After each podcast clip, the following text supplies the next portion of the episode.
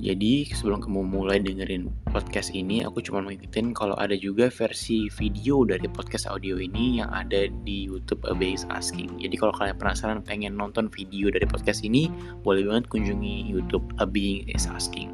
Terima kasih banyak and enjoy your podcast.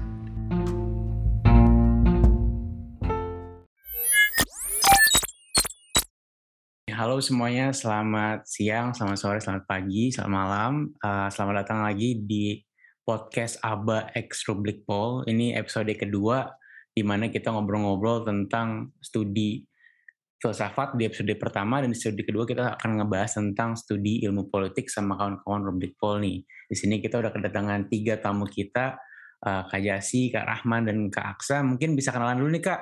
Uh, siapa sih kakak-kakak ini dan Rubik Paul tuh kira-kira apa gitu ya biar kita akrab dulu gitu. Uh, sebelumnya, Assalamualaikum warahmatullahi wabarakatuh. Selamat uh, sore semuanya. Salam sejahtera untuk kita semua. Om Swastiastu, Namo Buddhaya, Salam Kebajikan. Perkenalkan, nama saya Jesse Abdul Muksid dari Rubrik Pol.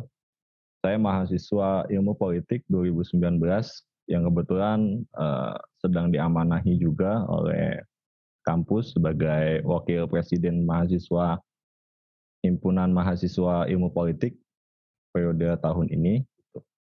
Berbicara soal Rubik Pol ini adalah uh, sebuah lembaga diskusi yang muncul dari kerasahan mahasiswa-mahasiswa ilmu politik itu sendiri tentang minimnya minat baca di Indonesia gitu. Jadi ketika minat baca dari mahasiswa itu kurang, maka jalan pintasnya adalah dengan berdiskusi untuk mengembangkan ilmu pengetahuan dari setiap mahasiswanya. Kurang lebihnya sih seperti itu sih. Oke, baik-baik. Thank you Kak Jasi. Jadi awalnya Rubrik Pol itu dia datang dari concern kurangnya literasi di masyarakat kita gitu ya kayak. Ya? Oke, oke. Sip, sip. Kalau Kak Rah, Kak Rahman atau Kak Aksa ada tambahan Kak? Uh, eh, gue dulu ya. Uh, perkenalkan teman-teman semua. Uh, nama gue Muhammad Aksa Digrama, uh, bisa dipanggil Aksa. Uh, gue sebagai uh, pegiat rubrik pol juga, uh, mahasiswa ilmu politik UIN Jakarta. Uh, dan di rubrik pol gue sebagai uh, ketua kajian Departemen Kajian Strategis dari uh, Ruang Publik Politik. Jadi uh, fokusnya ya merumuskan mengenai konsep-konsep uh, kegiatan apa atau isu-isu apa, kajian-kajian mengenai yang ditangkap dari eh, fenomena sosial politik yang terjadi lalu didiskusikan menjadi suatu topik pembahasan dan dikaitkan dengan teori-teori politik yang dipelajari di ya selayaknya di perkuliahan mahasiswa. Oke, baik baik. Uh, gini kakak-kakak, kalau misalnya bagi orang yang nonton sama dengar podcast ini nanti mau ketemu Roblik Pol gitu, misalnya pengen cari tahu oh, Roblik Pol tuh di mana, ada platformnya di mana, itu di mana kak kita bisa ketemunya gitu? Uh, mungkin kalau untuk uh, cara tercepat uh, untuk bisa mengetahui Rubrik Pol itu mungkin melalui Instagramnya, media sosial kami eh, di Rubrik Pol. Itu teman-teman bisa bisa ingin misalnya mengetahui lebih lanjut mengenai ikuti program-programnya bisa follow saja Instagramnya di di situ. Halo, halo, suara gue kedengeran nggak? Ya, kedengeran nggak? Kedengeran. Oke. Okay. Sebelumnya selamat sore buat teman-teman semua. Gua Rahman dari Kegiatan Football tahun 2017. Jadi itu zaman dari awal. Jadi sebenarnya Football itu tidak hanya sebatas forum akademik semata gitu ya, udah lahir dari keresahan mahasiswa-mahasiswa terhadap minimnya sebuah wadah untuk dialektika gitu. Tapi di sini memang laboratorium hidup gitu dalam beradu pikiran, wawasan, dan pada akhirnya diharapkan rubrik pol ini dapat menciptakan sesuatu entah gitu sebuah antitesa atau sebuah jawaban lah terhadap fenomena-fenomena yang ada di sekitar kita gitu.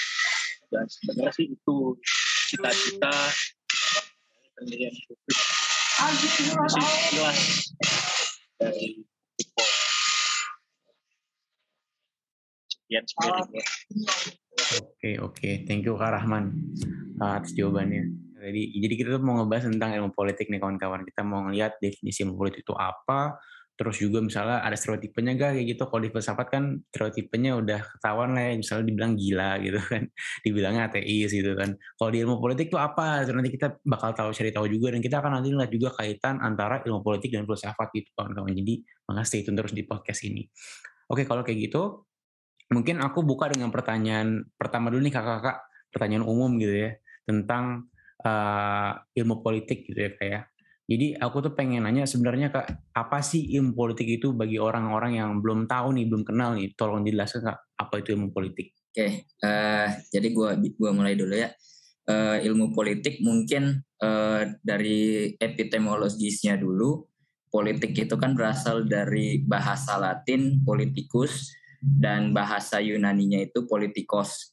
Nah, ini kedua kata ini itu berakar dari uh, suatu eh, kata yaitu disebut dengan polis yang berarti kota. Nah, eh, artinya politik itu ya relating to citizen gitu.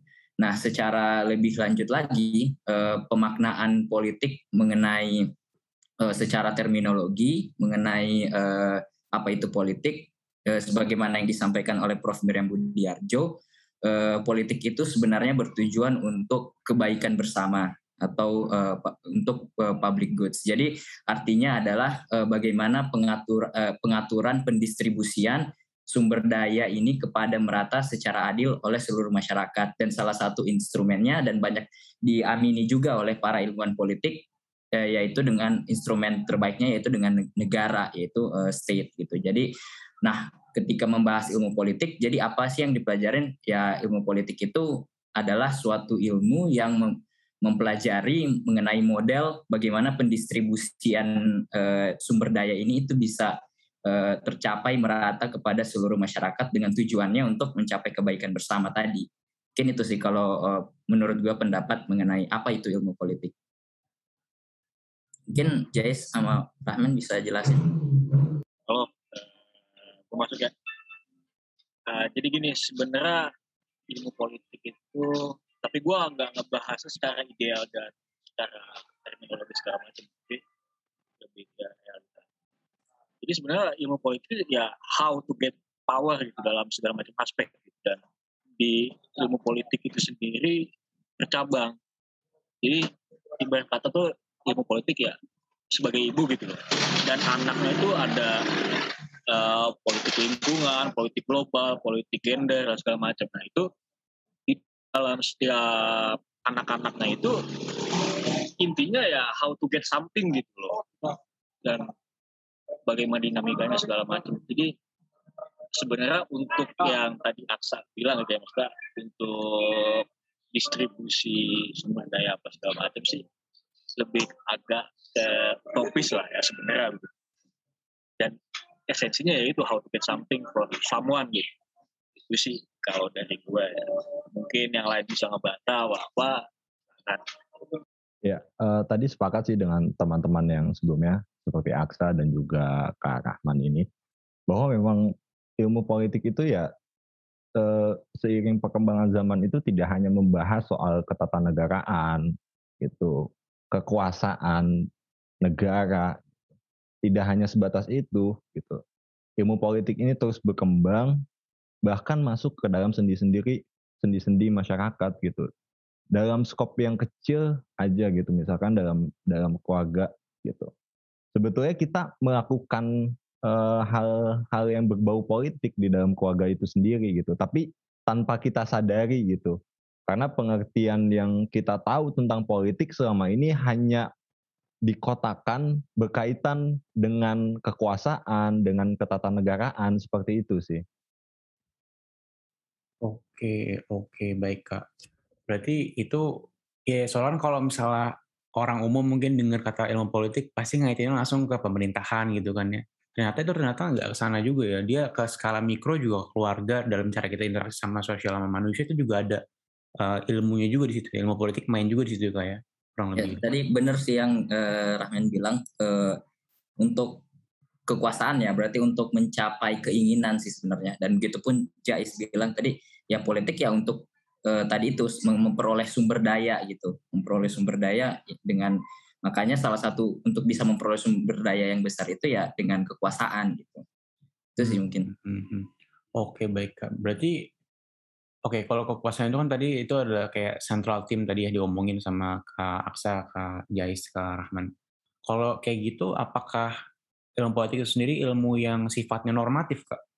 Kayak kayak memberi apa ya, kayak memberikan kita what should we do-nya gitu loh. Apakah dia sifat lebih deskriptif itu lebih ke mana Kak, kalau dalam arah ilmu politik itu sendiri? Oke, eh, ini gue lagi yang jawab duluan ya. Boleh, nanti teman-teman bisa tambahin. Kita uh, jadi, aja, ngeflow aja. Oke, siap. Iya, siap, siap. Jadi uh, untuk dibilang uh, normatifnya, tentu kita mengenal di ilmu politik itu kan ada uh, secara uh, secara kalau misalnya membahas sejarah kan ilmu politik memang masih tergolong ilmu yang baru. Itu lahir ke abad ke-19.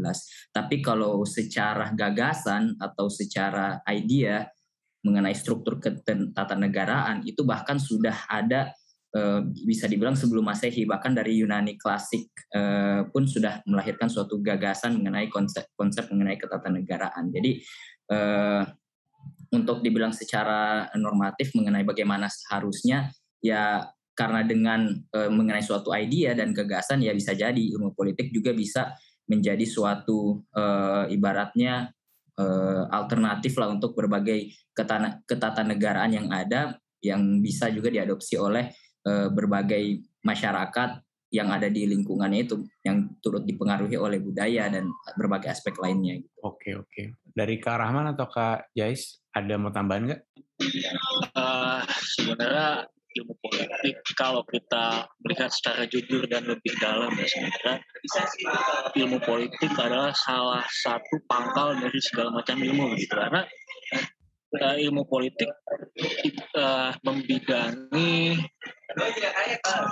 ya ter terutama dalam hal kita berinteraksi sama manusia gitu. Dan dalam hal itu kita bergandengan sangat erat dengan filsafat dan dan dalam filsafat sendiri tarikannya langsung kepada ilmu eksak kayak kedokteran dan segala macam gitu. Dan di politik itu memang kita membahasnya dalam apa pun itu ya memang secara general gitu ya.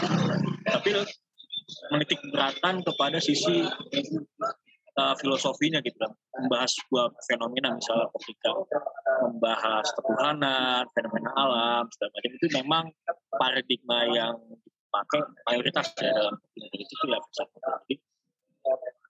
Kurang lebih ilmu politik ya ilmu filsafat juga sih lebih tarikannya lebih begitu gitu. Dan ilmu politik uh, cocok untuk membahas segala macam isu dalam masyarakat dan sebenarnya ilmu ini wajib untuk dipelajari untuk kita kita semua ya kita hidup bersama politik gitu. Dan cerita diri itu sih yang terlebih lagi kondisinya juga di sini literasi politik kita bersama sama oke oke. Uh, oke kalau kayak gitu tapi aku mungkin ini sih uh, kak tadi agak kurang kedengeran di akhir-akhir tadi suaranya. Uh, mohon maaf tadi. Uh, Cuman tadi jelas sih dapatnya ada sisi praktis dalam ranah sisi politik dan itu lekat banget sama kehidupan kita.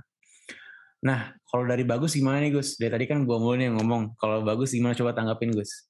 Kita juga dibilang ya, kalau politik itu nggak cuma ngomongin negara, tapi juga dekat sama kehidupan sehari-hari gitu. Kan, kan dibilang sama Bang Jais itu bahkan di keluarga pun sebenarnya kita juga sadar juga melakukan hal yang politik. Kan. Nah, sebenarnya politik tuh gimana sih perbedaannya dalam ranah politik sebagai disiplin politik sama yang praktis itu beda yang akademis sama yang praktis kayak gimana? Oke, okay. uh, eh, mungkin ini ya uh, bedanya politik yang di ranah akademis dan ranah uh, praktik. Uh, tadi sudah sudah disinggung juga uh, sama Rahman kalau misalnya politik itu kan artinya bercabang dan memiliki fokusnya masing-masing. Kayak contohnya uh, kalau politik, misalnya politik luar negeri itu misalnya HI. Terus di dalam pemerintahan, ilmu politik masuk ke dalam ilmu pemerintahan. Jadi ilmu politik ini bercabang gitu kan. Nah tentu terkait dengan kalau misalnya berbicara prak, uh, praktis praksisnya atau prakteknya, uh, pasti orang-orang awam bakalan melihat ilmu politik ya dari uh, institusi negara itu sendiri uh, sebagai contoh nyatanya dan ya memang yang dipahami oleh kebanyakan orang gitu.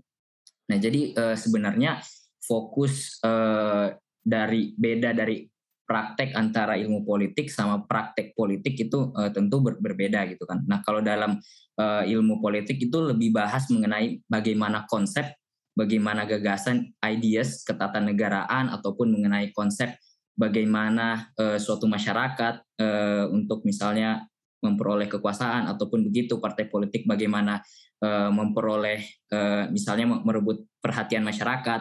Nah, contoh contoh kasusnya saja misalnya begini. Uh, di dalam politik itu kan ada namanya kayak perilaku politik atau budaya politik gitu kan. Nah, tentu di dalam kajian ilmu politik ini ada menjadi kajiannya tersendiri. Nah, tapi dalam praktiknya ilmu-ilmu seperti ini banyak digunakan oleh para Eh, lembaga-lembaga survei misalnya. Nah, lembaga-lembaga survei ini kan menggunakan ilmu-ilmu politik sehingga nanti ketika misalnya ada partai politik yang uh, ingin memenangkan suatu pemilihan di daerah tertentu, tentu kan pasti harus mempertimbangkan budaya masyarakatnya. Kira-kira nih bagaimana nih supaya saya bisa memenangkan suara di daerah tersebut gitu kan. Nah, dalam ilmu politik tentu ada ada kajiannya mengenai pendekatan apa nih e, budaya kebudayaan apa perilakunya masyarakatnya seperti apa gitu. Nah itu digunakan oleh e, partai politik untuk menjadi strategi untuk memenangkan suatu e, meraih suara dalam pemilihan umum. Nah dalam praktiknya begitu. E, jadi e, memang ilmu politik ya tentu yang aktornya adalah para ilmuwan politik, para dosen-dosen akademisi di bidang politik. Tetapi dalam prakteknya itu tidak hanya dilakukan uh, bisa dilakukan siapa saja. Uh, bukan hanya para akademisi bukan hanya para ilmuwan dari ilmu politik bahkan orang yang cuman bisa dibilang lulus SMA pun bisa menduduki suatu jabatan penting gitu. Jadi tentu kedua aspek ini antara ilmu politik dan praktik politik itu pasti berbeda gitu. Itu mungkin. Uh, sebenarnya gue mau nambahin dikit untuk ilmu politik secara akademis dan praktek sebenarnya begini. Terkhusus untuk akademis ya. Jadi akademis ini yang gue lihat dan gue paham ya itu sebagai translator dan penerjemah apa yang ada di dunia praktek.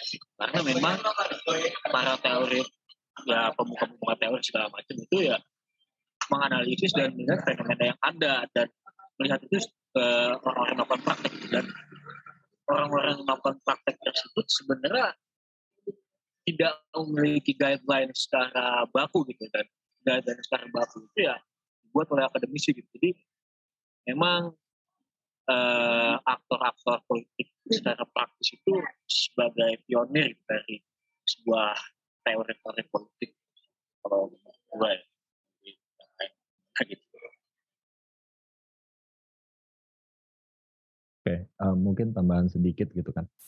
Singkatnya ya memang sebetulnya uh, secara akademis gitu kan, kita mengkaji tentang fenomena yang terjadi di dalam masyarakat dalam perspektif politik tentunya gitu kan.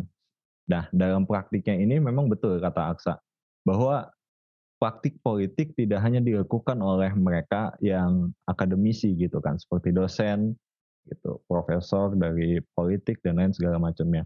Tapi juga masyarakat-masyarakat gitu dalam skop ketatanegaraan memperbutkan kekuasaan jabatan publik ataupun dalam bermasyarakat biasa gitu lah di lingkup-lingkup kecil gitu juga menjadi contoh atau menjadi bagian dari praktik politik itu sendiri kayak gitu. Oke, jadi menarik banget ya. Jadi jadi emang cara akademik semua praktik kan beda, tapi itu dari apa ya yang kita lihat di masyarakat fenomena-fenomena politik. Jadi itu jadi ini ya, jadi suatu kayak suatu formulasi untuk ilmu politik ke depannya gitu. Dan juga pernah yang dibilang tadi agen agen atau aktor politik ya sebenarnya juga ini ya nggak harus orang yang ini ya ilmu atau mendalami ilmu politik itu sih yang menarik dan mungkin atau mungkin ini juga ya sebaiknya juga orang yang jadi aktor politik juga memahami ilmu politik kan biar apa ya biar mungkin biar lebih dia menjalankan government mungkin seperti itu kali ya itu sih mungkin ya, idealnya sih seperti itu. Idealnya ya. Iya iya iya oke. Mantap juga tuh. Kayak mungkin kalau kita cari paralel kayak filsafat juga kan semua orang bisa berfilsafat bebas gitu kan bahkan anak kecil pun boleh berfilsafat. Tapi kan ada alasan kenapa ada studi ilmu filsafat itu sendiri mungkin tadi bagus bilang supaya kita bisa gimana ya menempuh sesuatu itu dengan cara yang lebih formal gitu ya. Jadi ada ada tatanannya itu jadi lebih ini. Menarik menarik. Terus tapi nih kak eh, kakak-kakak yang dari tadi gue tangkap tuh gue ada mendapat kesan kalau politik itu diverse banget gitu ya. Beragam banget gitu bisa diaplikasikan ke mana-mana gitu. Dan ini kayaknya dari tadi sih Azri juga pengen nanya nih maka dia udah ngeliatin aja. Coba Azri ada komen gak nih jadi tentang diversity dari politik ini gitu ini mungkin berkaca dari pengalaman aku ya selama uh, kuliah di filsafat kan kita juga ada filsafat politik tuh awal-awal ditawarin kan untuk ikut ayo uh, ambil matkul ini Terus di bayangan aku tuh kalau belajar filsafat politik pasti kaitannya sama negara, terus kekuasaan, jabatan gitu-gitu. Jadi kayak udah ada stereotip itu loh di kepalaku soal politik. Nah sampai um, akhirnya aku nggak nggak ambil itu gitu, nggak mau ambil apa namanya tentang ilmu politik, tentang filsafat politik saat itu. Dan baru menyadari bahwa apa namanya politik itu luas setelah uh, akhir-akhir tahun akhir kuliah kali ya. Nah ini menarik banget kan ternyata seluas itu jadi kayak hmm, apa namanya uh, semua hampir semua fenomena masyarakat itu bisa dikaji dalam perspektif uh, politik gitu kan ya. Nah mungkin sih yang mau aku tanyain adalah sebenarnya bagaimana sih kita menentukan bahwa suatu hal itu bisa masuk ke dalam kajian politik gitu. Jadi nggak misalnya pasti ada ini kan ada ada apa namanya bukan pengkotak-kotakan sih tapi lebih kepada ada kategorisasi kan. Mana hal yang bisa masuk ke dalam kajian politik mana yang mungkin bukan termasuk kajian politik gitu. Mungkin nanti dari kakak-kakak Rubik Pol bisa dijelasin soal aku masih masih kayak orang awam gitu loh yang yang pengen tahu banyak soal yang mana sih yang bisa dimasukkan ke dalam kajian politik gitu okay. uh, eh, mungkin uh, gue bisa mulai dari ini ya uh, dari teori apa pendekatan-pendekatan yang digunakan dalam uh, perspektif untuk mempelajari ilmu politik. Nah, jadi sebenarnya di dalam ilmu politik itu ada tiga pendekatan. Yang pertama ada pendekatan konstitusional, kemudian pendekatan empiris, dan yang ketiga itu pendekatan behavioral. Nah, untuk yang pertama itu pendekatan eh, konstitusional. Nah, ini pendekatan konstitusional ini pendek, merupakan pendekatan uh, dalam memahami ilmu politik yang uh, berasaskan pada suatu ide atau gagasan. Nah, jadi kalau misalnya untuk memahami ilmu politik, gagasan, misalnya ide, konsep kenegaraan dari seorang Plato, Socrates, Aristoteles, filsuf-filsuf yang lain. Nah, ini merupakan yang digunakan untuk memahaminya itu pendekatan uh, konstitusional gitu. Nah, kemudian untuk pendekatan yang kedua dalam memahami ilmu politik itu uh, pendekatan uh, empiris gitu. Nah, pendekatan empiris ini uh, pendekatan yang menempatkan uh, negara atau pemerintahan state itu sebagai uh, utamanya gitu. Jadi mem mem meneliti atau mempelajari suatu negara, meneliti mengenai suatu kelembagaan, misalnya lembaga eksekutif, yudikatif, uh, ataupun legislatif gitu. Nah itu uh, pendekatan mengenai um, untuk memahami politik dalam aspek empiris gitu. Nah, kemudian yang ketiga pendekatan behavioral. Nah, pendekatan behavioral ini menempatkan uh, publik sebagai uh, aspek atau unsur utamanya gitu. Nah, jadi yang dipelajari di sini adalah mengenai perilaku politik, budaya politik dari masyarakat, mengenai suatu yang pada akhir yang pada akhirnya perilaku politik ini atau behavioral dari masyarakat ini yang akan melahirkan suatu fenomena uh, politik atau fenomena ketatanegaraan gitu. Nah, jadi kalau misalnya kita berkaca pada uh, untuk mengkaji misalnya nih uh, fenomena uh, 212 kemarin yang pada tahun 2017 itu kan. Nah, itu kan bisa digunakan untuk uh, pendekatan secara behavioral. Oh, ternyata warga DKI misalnya uh, lebih banyak yang uh, berhaluan se seperti ini atau pendekatan-pendekatan uh, perilaku politik uh, uh, masyarakat. Jadi pada intinya behavioral ini menempatkan uh, suatu uh, prinsip atau fokusnya itu pada uh, masyarakatnya gitu, yang sebagai aktor untuk yang ditelitinya gitu. Nah, jadi kalau misalnya dari uh, untuk yang pertama tadi konstitusional adalah gagasan, ide dari seorang filsuf ataupun pokoknya gagasan lah. Nah itu konstitusional, yang empiris dari negaranya dan behavioral itu dari perilaku masyarakatnya. Jadi uh, untuk mempelajari ilmu politik bisa dari melalui ketiga cara itu. Oke, berarti um, ternyata untuk mengetahui apa yang menjadi kajian politik itu bisa dari pendekatan-pendekatan itu ya. Jadi mungkin semacam kalau di filsafat ada metode gitu ya, kayak metode fenomenologi, kemudian misalnya ada metode uh, dualistik gitu. Jadi kayak semacam semacam metode yang digunakan untuk melihat uh, apa isu-isu masyarakat. Nah ini menarik terutama yang behavioral ya karena kebetulan aku juga concern banget di uh, philosophy of mind yang berkaitan dengan behavioral. Nah melalui pendekatan behavioral misalnya, gimana sih cara kita bisa melihat legitimasi dari kekuasaan gitu? Karena kan kalau ngomongin politik pasti ada ngomongin soal kekuasaan kan. Nah mungkin dari salah satu pendekatan ini atau dari mungkin dari behavioral aja, gimana sih cara kita melihat gitu adanya legi, legitimasi dari suatu kekuasaan gitu, semisal? Uh, tadi apa legitimasi terhadap kekuasaan ya? Benar sih? Iya betul betul. Uh, sebenarnya untuk legitimasi terhadap sebuah kekuasaan nggak bisa kita lihat dari satu parameter Tapi yang paling utama itu adalah sebenarnya trust gitu dari konstituen pemerintahan tersebut. Trust dalam artian misalnya trust itu abstrak juga sebenarnya.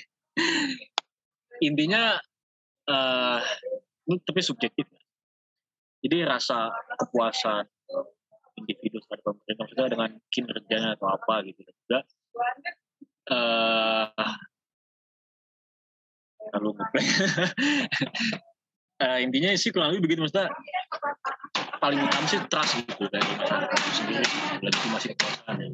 untuk kalau legitimasi dari pihak eksternal misalnya kayak negara-negara itu mungkin kita bisa lihat dari uh, proses diplomatik secara formal misalnya penempatan duta besar uh, yang terpenting untuk legitimasi dari masyarakat sendiri gitu. nanti baru kita keluar dan hal itu bisa kita lihat dari proses kemerdekaan negara kita gitu rakyat kita mendukung mendukung program pemerintah dan juga masyarakat kita tuh mau mengikuti aturan main yang dibuat oleh pemerintah melalui undang-undang dan konstitusi. Begitu sih kurang. Uh, mungkin sedikit menambahkan ya, kalau kita berkaca pada sejarah gitu kan, soalan legitimasi kekuasaan ini tidak hanya ditentukan oleh mereka yang dipilih gitu kan. Karena kan kalau zaman dulu ada yang dijadikan sebagai raja gitu kan, terus juga ada yang langsung memang dipercayai gitu. Masyarakat langsung, oh iya nih uh, ada satu tokoh gitu, seseorang yang dipercayai oleh mereka itu bisa membawakan kesejahteraan buat mereka gitu kan.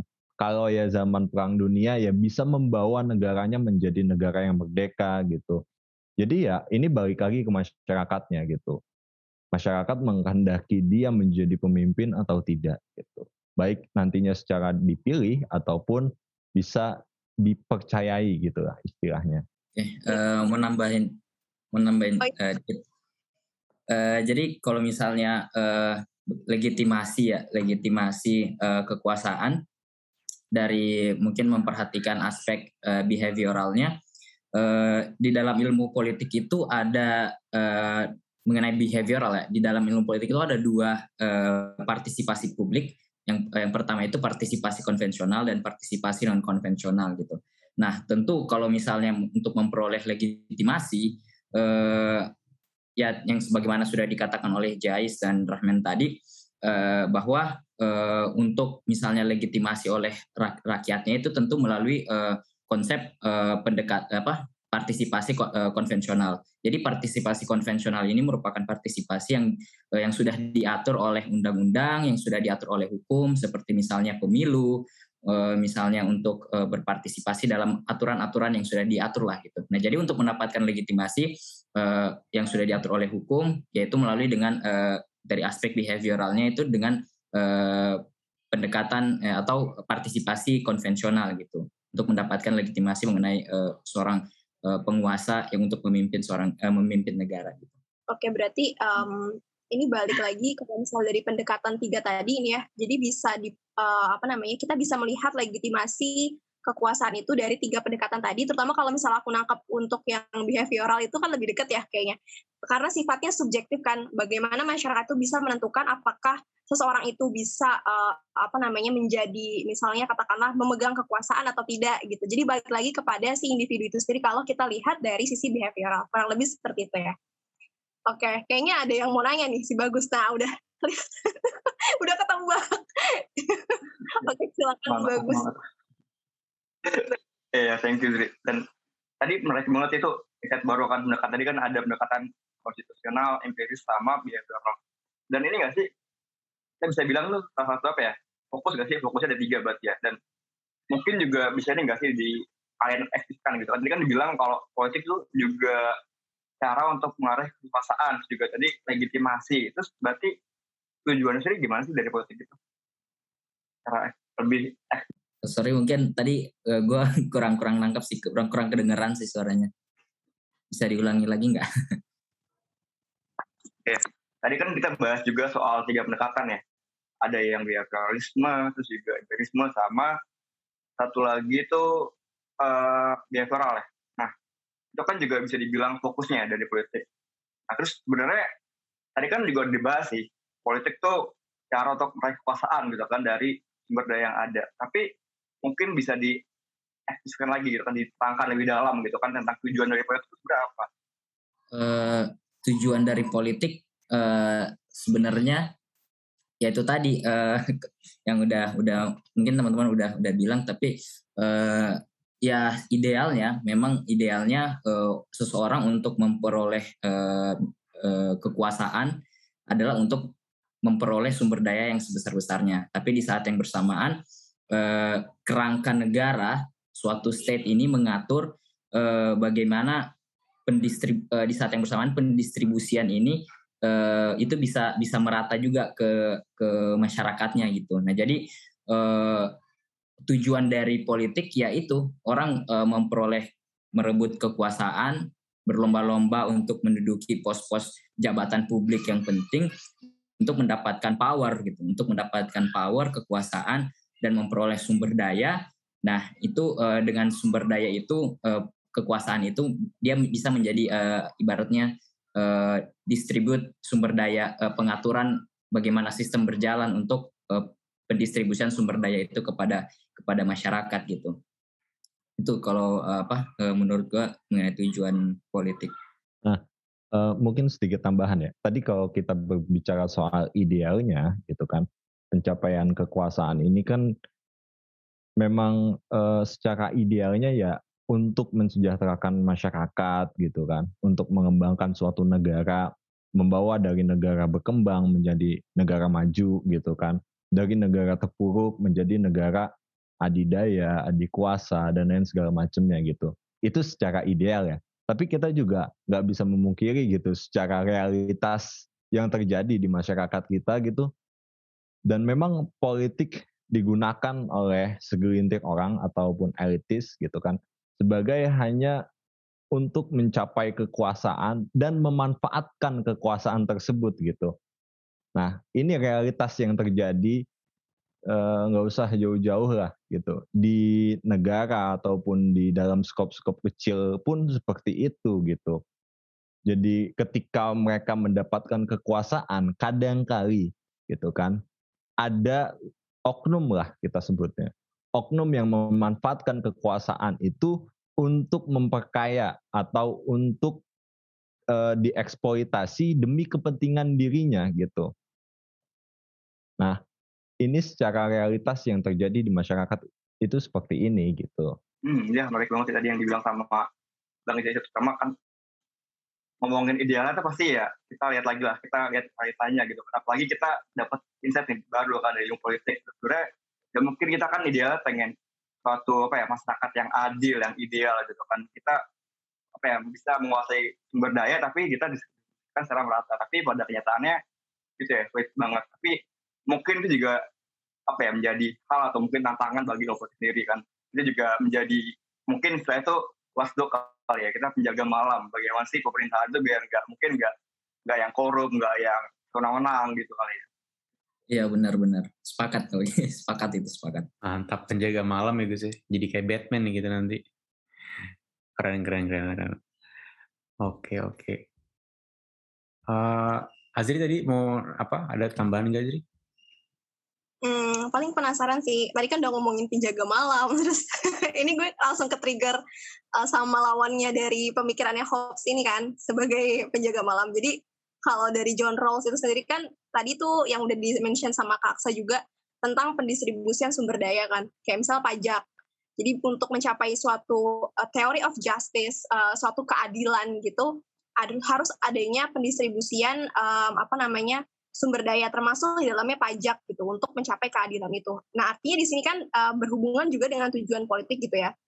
Nah uh, kalau misalnya ada uh, keinginan dari misalnya entah itu suatu pihak atau banyak pihak mengenai pendistribusian um, sumber daya gitu untuk uh, kepada masyarakat yang tadi tujuannya adalah untuk mensejahterakan masyarakat. Nah berarti kan secara tidak langsung ataupun mungkin secara langsung ada intensi gitu untuk mengubah uh, masyarakat itu sendiri kan. Nah, bagaimana bisa gitu kan politik itu um, mengubah gitu kondisi atau keadaan masyarakat gitu? Atau mungkin bagaimana sih cara cara yang dilakukan oleh uh, politik, misalnya dalam pandangan politik untuk mengubah tatanan masyarakat? Apakah misalnya kalau di dalam filsafat itu kan untuk mengubah itu sendiri mungkin uh, sebenarnya lebih kepada kontemplasi gitu kan. Bagaimana kita misalnya mengkontemplasikan diri kita gitu mengenai identitas diri kita, dari situ kita bisa berubah gitu. Nah, kalau dari politik sendiri, gimana cara politik itu bisa mengubah uh, mungkin kondisi masyarakat gitu, semisal seperti itu?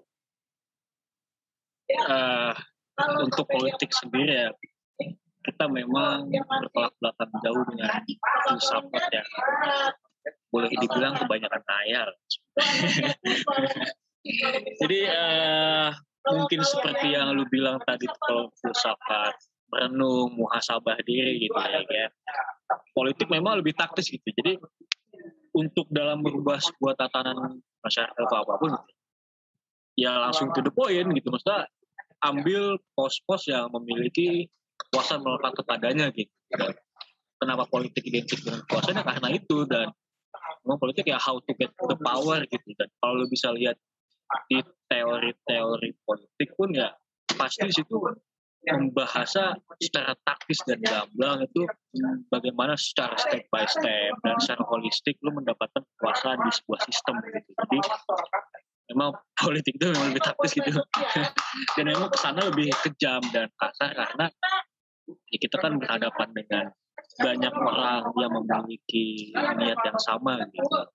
Dan juga kan dalam uh, filsafat uh, Hobbes kan bahwa kita tuh kan serigala bagi semuanya itu maksudnya musuh satu sama lain gitu itu sih jawaban gue gitu. Uh, mungkin nambahin sedikit. Jadi gimana caranya uh, ilmu politik uh, mengenai apa uh, mengatur merubah masyarakat gitu ya. Uh, sebenarnya uh, tadi yang dibilang uh, Rahman sendiri itu uh, merupakan suatu hal yang prak, eh, praktisnya yang terjadi di lapangan gitu kan sebenarnya eh, kalau menurut gue pribadi ilmu politik ini juga merupakan ilmu yang ideal gitu. Eh, sama mungkin ya apa ya sangat ideal lah menurut gue jadi bagaimana men, eh, menciptakan suatu tatanan masyarakat yang adil distribusi pokoknya untuk eh, untuk kebaikan lah gitu kan. Itu memang ilmu politik memang kajiannya uh, merupakan ilmu yang i, apa terlampau ideal juga uh, dan dan abstrak juga kan. Beda mungkin uh, sama cabang ilmu pengetahuan yang kayak teknik atau yang saintifik yang lebih ke praktikal kan. Sedangkan kalau misalnya ilmu, ilmu sosial ilmu sosial lah pada umumnya. Uh, itu kan merupakan ilmu yang memang uh, ideal kan membahas hal-hal yang bersifat ideal teoritis bagaimana seharusnya dan normatif gitu kan. Nah, tapi kalau dari ilmu ilmu politik sendiri bagaimana cara mengubah uh, tatanan masyarakatnya sebenarnya menurut gua untuk meminimalisir uh, korupsi atau meminimalisir uh, penyelewengan kekuasaan ataupun uh, oligarki, kekuasaan yang hanya dipimpin oleh uh, sekelompok orang gitu kan. Sebenarnya menurut gua uh, justru masyarakatnya itulah yang harus memang uh, pintar uh, politik gitu. Maksudnya dalam artian harus memiliki uh, literasi politik yang baik gitu. Jadi uh, ketika misalnya contohnya mungkin gue bisa bisa kasih ilus ilustrasi uh, pada saat pemilu. Uh, kenapa sih sebenarnya pemilu itu biayanya tinggi gitu? Orang mau maju jadi caleg aja, bahkan caleg DPRD kota itu bisa habis sampai miliaran atau ratusan juta bahkan untuk menjadi presiden katanya mencapai triliunan gitu. Nah, menurut gua eh, ini salah eh, pang, salah satu pangkal bahwa uh, justru masyarakat politik eh masyarakat kita masih memiliki uh, literasi politik yang rendah atau pendidikan politik yang rendah gitu. Nah, jadi kenapa bisa bisa mahal gitu kan? Artinya ya para politisi, para aktor-aktor ini mereka spend their money untuk campaign, untuk menarik suara perhatian masyarakat dengan uang gitu kan. Nah, itu begitu pun juga e, masyarakat misalnya untuk datang ke TPS itu harus biasa ya kita tahu lah fenomena politik uang, terus serangan fajar kan tiba ada titipan uang dari para politisi gitu kan. Nah, ini karena memang ya masyarakat kita memang masih e, kurang literasi politiknya dan ditambah lagi dengan keadaan ekonomi yang sulit bagi mereka. Jadi mau tidak mau ditambah lagi uh, mungkin ada kultur budaya yang kayak misalnya sebagian besar masyarakat Indonesia yang waduh eh, nggak uh, enak nih udah dikasih uang gitu kan nggak nggak milih. Jadi akhirnya ya para masyarakat orang masyarakat Indonesia ya, ya akhirnya memilih para politisi itu kan. Nah jadi akhirnya ketika misalnya para politisi ini sudah berhasil uh, menduduki suatu jabatan publik ya cara untuk uh, untuk mengembalikan modalnya ya bisa jadi ditempuh dengan hal-hal korupsi, penyelewengan, karena mereka sudah banyak spend money uh, habis-habisan pada saat kampanye dan untuk mengembalikan modal, ya tentu dengan hal-hal seperti itu jadi salah satu jalan pintasnya. Nah jadi makanya menurut gue bagaimana politik bisa ilmu politik bisa merubah masyarakatnya ataupun tentang masyarakatnya ya masyarakatnya pun juga harus aware gitu dengan ilmu politik. Jangan jangan apatis gitu dengan ilmu politik. Padahal ilmu politik itu ya semuanya Eh, berpengaruh gitu dalam artian kehidupan kita mulai dari kebijakan apa pun semuanya itu. Jadi ya menurut gue itu sih gimana cara ilmu politik itu bisa merubah suatu masyarakat uh, mengenai untuk meminimalisir eh, hal-hal yang buruk tadi gitu. Uh, ini yang lu jelasin ini saya sebenarnya ini ekses dari penjajahan sih maksud gua. Memang kita kan hidup telah lama dijajah dan itu memang apa dalam proses penjajahan itu kan pola pikir mentalitas kita kan dekonstruksi itu dan jadi sebenarnya fenomena masyarakat sekarang ini juga ongkos politik mahal dan juga masyarakat masih tertarik dengan iming-iming duit lah segala macam dan juga literasi politik masih kurang. Ya karena itu kita belum kelar sama kebutuhan primer kita gitu. Contoh misalnya kayak makan betul, betul, betul. Nah itu dan itu maksudnya ini buat tambahan aja jadi harus jadi concern kita bersama gitu. Untuk membangun literasi politik ya kita harus tuntaskan gitu kebutuhan utama kita gitu. Karena nah, sebenarnya literasi politik itu kan ya kebagian tersier lah dalam kehidupan kita gitu. Jadi ya mau nggak mau entah gimana caranya mungkin ya kita harus memenuhi kebutuhan primer dan sekunder kita gitu. Si ya, mungkin uh, untuk dari ilmu politik mencapai hal itu ya uh, balik lagi sebenarnya ini ini kan mentalitas ya bagaimana mentalitas terhadap para pejabat-pejabat publik ya. juga tidak bisa dilepaskan dari sisi agama gitu. karena bullshit juga maksudnya dengan prevensi sistem ya canggih apa segala macam ya kalau emang otak kebrengsek ya nggak bisa gitu jadi di sini juga peran agama dan juga amat sangat penting itu karena menyangkut moralitas manusia. Oke oke oke mantap nih. Jadi berat ya apa dari tadi itu ngobrol berat-berat banget nih tadi udah ngomongin tatanan kekuasaan terus juga nanti ngomongin literasi uh, publik sama ya tadi kalau memang otaknya sudah dan tanda kutip brengsek kayak gimana lagi gitu itu uh, salah satu yang menarik juga tuh statementnya dan Teman di sini gue pengen mau nanya yang agak santai sedikit nih, biar moodnya kita nggak tegang-tegang lagi banget gitu ya. Soal tadi kan uh, Kak Aksa juga sempat mention kalau misalnya masalah literasi tadi ya, terus juga permasalahan kayak sempat nyentuh-nyentuh ke stigma gitu kayaknya. Aku ngeliat uh, stigma-stigma di ilmu politik, di politik tuh kayak gimana orang bisa ngeliatnya kan tadi kayak ada korupsi, ada apa kan orang kalau ngeliat politik tuh pasti udah capek kan, ah pasti ini korupsi lagi nih, ini lagi, begini lagi nih sama kayak di filsafat gitu kan. Kalau filsafat stigmanya kayak tadi Aji bilang karena kita sering kontemplasi lu gila ya pasti digituin kan. Pasti digituin. Kayak gua pas lagi naik ojol tuh pas masih maba kalau ditanya kuliah di mana dengan bangganya ngomong oh kuliah di UI jurusan apa? Nah, langsung diem filsafat ya. Karena langsung oh lu hati-hati nanti jadi gila nanti jadi jadi ateis nanti jadi orang nggak jelas mau kerja apa kayak gue capek banget digituin mulu gitu. Loh uh, tapi ujung-ujungnya akhirnya ya udah kayak bodoh amat juga gitu kan. Cuman itu yang menarik kalau di pesantren kan ya stigmanya gitu lah kalau di ilmu politik nih kakak-kakak apa sih stigma terbesarnya gitu ya? Kayak orang kalau mau masuk ke ilmu politik kenapa sih ada apa mungkin enggan kah atau takut kah atau gimana kah? Boleh ceritain dulu nih kak? Biar orang-orang pada tahu juga gitu mungkin uh, eh, gue punya cerita menarik sih mengenai ini ya gitu kalau uh, lu kan mungkin uh, ketika naik ojol gitu kan yeah. ditanya gitu kan soal kuliah di mana dan jurusan apa gitu. Gue juga punya cerita menarik ya tentang mirip lah tentang hal itu gitu. Jadi ketika gue selesai beribadah sholat Jumat tepatnya gitu kan. Waktu itu kebetulan gue nggak langsung pulang gitu.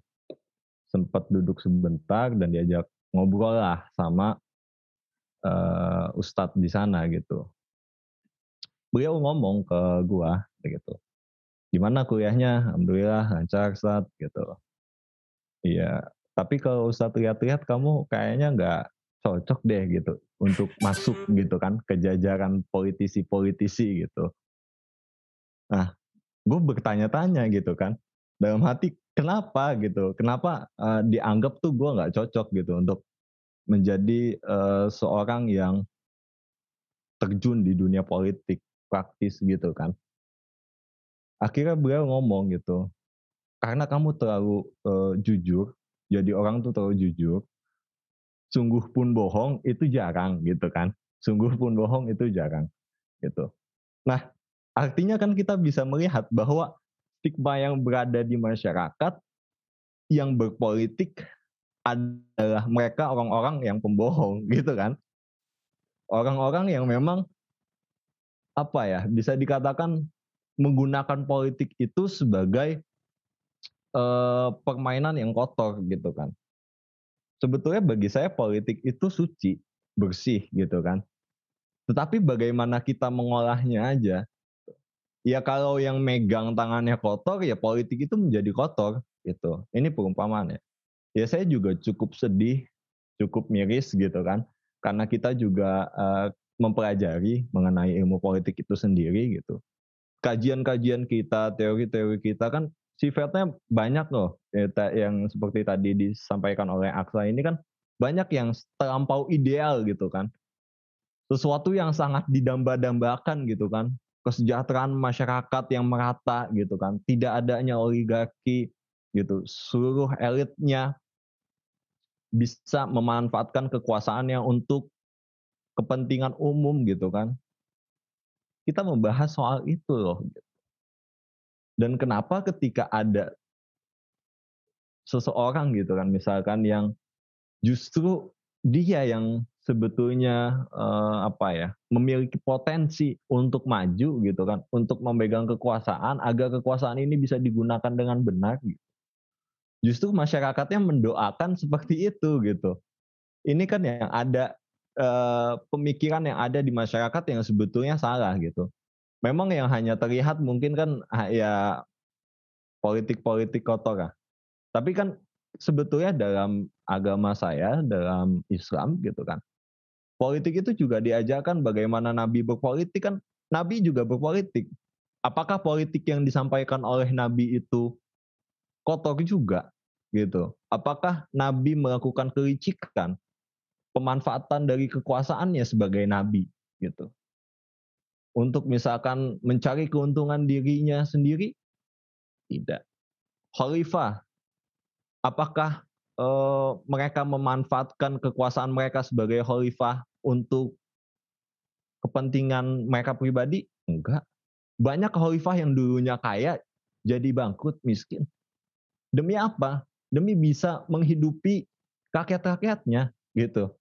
Kalau kita berbicara soal politik itu kotor, enggak kok. Di dalam agama Islam diajarin. Memang tidak secara terang-terangan gitu kan. Bahwa politik itu harus kayak gini, gini, gini. Tapi dalam perilaku masyarakat muslim, itu, itu tercermin dan kita bisa ambil nilai-nilainya di sana gitu. Mungkin itu sih uh, berbagi cerita gitu kan mengenai apa sih yang telah gue rasain gitu selama menjadi mahasiswa politik. Mungkin ada tambahan? Ya, uh, eh, gue juga mau cerita nih. Uh, waktu ngambil ini ya, ditahu gitu kan, ilmu politik gitu. Terus uh, ya sama uh, bah orang-orang bilang kan, uh, saya jurusan apa ngambil apa? Ilmu politik di UIN Jakarta. Kaget kan, semua, ngambil ilmu politik emang lu mau jadi koruptor? Duh langsung ditembak gitu. Kayak nggak paham kayak nggak tahu tiba-tiba kayak stigma kayak langsung emang lu mau jadi koruptor? Kayak langsung di ditembak ke situ. Gua gua pernah itu uh, pengalaman uh, ya suka duka uh, menjalani sebagai ilmu, ilmu apa mahasiswa ilmu politik gitu kan. Langsung dibilang uh, mau jadi koruptor lah politik itu kotor ya yang sudah Jais tadi bilang. Nah tapi uh, uh, gue bilang gini uh, apa menyambung tadi apa yang juga sempat Jais singgung kan. Sebenarnya ilmu politik yang salah tuh bukan ya bukan politiknya gitu kan. Toh pun kalau misalnya kita berbicara misalnya bidang-bidang ilmu lain contohnya kayak misalnya kimia apakah uh, kimia kemudian ada orang menggunakan ilmu kimianya untuk merakit bom dan kemudian diledakkan di tempat umum, apakah yang salah adalah ilmu kimianya? Kan enggak kan? Kemudian apakah ada orang e, menggunakan e, ilmu farmasinya terus membuat sebuah racun untuk membunuh orang? Yang apakah yang salah e, ilmu farmasinya kan enggak gitu. Jadi begitupun dengan ilmu ilmu politik gitu. Jadi ya memang kita ter, pembahasannya terlampau idealis dan jadi berbeda dengan realita kenyataannya gitu. Di lapangan e, ternyata banyak orang yang korup dan lain sebagainya gitu. Jadi ya dalam ilmu politik juga sebenarnya ada kajian yang mengenai kajian etika politik gitu kan. Jadi bagaimana menjadi seorang politik yang tapi beretika gitu. Itu sih suka dukanya e, yang gue rasain e, menjadi ilmu politik capnya itu langsung waduh berat nih atau enggak? Duh lu koruptor ya terus uh, kayak ditanya uh, emang lu nanti mau masuk partai mana sa? Gitu. Atau lu mau, mau jadi uh, apa caleg di mana gitu kan. Atau lu mau jadi apa sih DPR gitu. Kayak ya gitu gitulah pokoknya. Emang nggak lepas dari stigma stigma realitanya politik yang mengenai di di negara kita gitu. Itu sih. Uh, menarik banget ya memang ya politik sebenarnya ya berkata kanvas kosong yang tidak ada seorang pelukisnya gitu melukiskan tapi sebenarnya gue ingin memperdalam lagi ini lebih ke aktor politik. Kan dalam politik itu kan memang tujuannya kan how to get the power ya. Dan konstituennya itu adalah masyarakat. Nah masyarakat itu sendiri kan heterogen itu banyak apa kepentingannya, coraknya segala macam. Yang membuat foto di sini adalah untuk bagi orang-orang yang tidak mampu capable secara individu misalnya dia punya prestasi atau apa ya ya itu balik lagi yang tidak capable menggunakan uh, insting dasar manusia yaitu haus akan harta tidak pernah puas gitu. Ya itu yang dimanfaatkan oleh para aktor-aktor politik yang nakal gitu. Juga nah di sini sorry gue bukan soalnya di sini membuktikan bahwa firman Allah yang membuktikan bahwa ya manusia itu memang terporsinya besar. Ya uh, segala akan ya segala ya nasibnya ilmu politik dicap jelek ya karena itu karena sifat dasar manusia yang materialistik gitu ya. Oke oke. Aduh sorry nih di depan ada suara motor nih. Tapi benar-benar masih kedengeran ya suara gue ya. Uh, Oke okay, jadi ini menarik banget sih. Jadi pas gue dengar cerita-cerita dari kakak Robert Paul ini jadi tersadarkan gitu ya. Wah ini sebenarnya kita tuh semacam 11-12 juga gitu ya. Sekena timpan stigma-stigma terus gitu kan kayak di filsafat dibilangnya gila, ateis, madesu gitu kan. Kalau di dia ilmu politik dibilangnya tadi uh, bukan tempat orang yang jujur, koruptor, dan lu mau jadi apa, mau jadi caleg apa gitu kan misalnya kayak gitu ya. Cuman oke okay, tadi juga Kak Rahman sempat nge-segue uh, ngebawa per, apa ya, ngebawa topiknya ke permasalahan sifat manusia dan politik dan bagaimana. Aku juga pengen mungkin bisa dieksplisitkan lagi atau mungkin dijelaskan lagi gini Kak. Uh, gimana sih kita bisa jalannya gitu? Kalau bagi bagi orang-orang yang mau masuk ke politik nih yang takut gitu kan sama stigma-stigma tersebut gitu ya. Di ke, ke studi politik atau bahkan yang sudah sedang di, di studi politik. Gimana sih kita bisa ibaratnya uh, menangkal gitu? Ibaratnya uh, pengaruh-pengaruh yang seperti itu supaya kita bisa tadi kakak bilang kayak bisa menjalankan idealisme tersebut uh, jadi praktek gitu gitu kan. Itu kira-kira gimana kak kalau di ilmu politik? Uh, kalau pengalaman dan pengetahuan gue ya untuk menghindari hal-hal yang tidak diinginkan kalau kayak politik segala macam sih memang hampir mustahil dilaksanakan.